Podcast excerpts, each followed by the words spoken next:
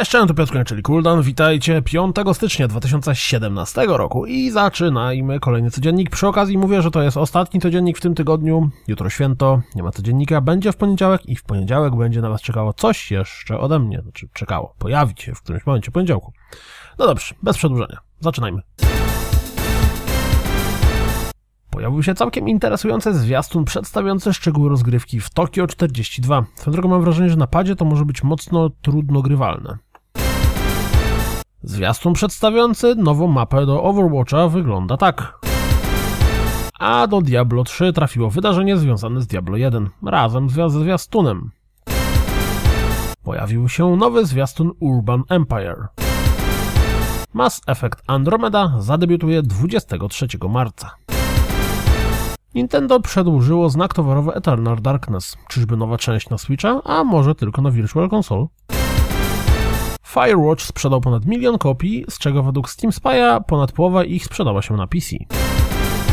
Dla odmiany Minecraft na samym PC sprzedał ponad 25 milionów kopii. No, robi wrażenie. Overwatch dla odmiany zarobił w zeszłym roku ponad 500 milionów dolarów. No i nie mówimy tutaj o sprzedaży gry, a o sprzedaży skrzynek wewnątrz gry. Activision ściągnęło ze Steama i sklepików konsolowych kilka gier związanych ze Spider-Manem i żółwiami ninja. No i o tyle, ile starsze tytuły jakoś mnie nie dziwią, to to, że Teenage Mutant Ninja Turtles Mutant in Manhattan, który miał premierę w maju, trochę mnie dziwi.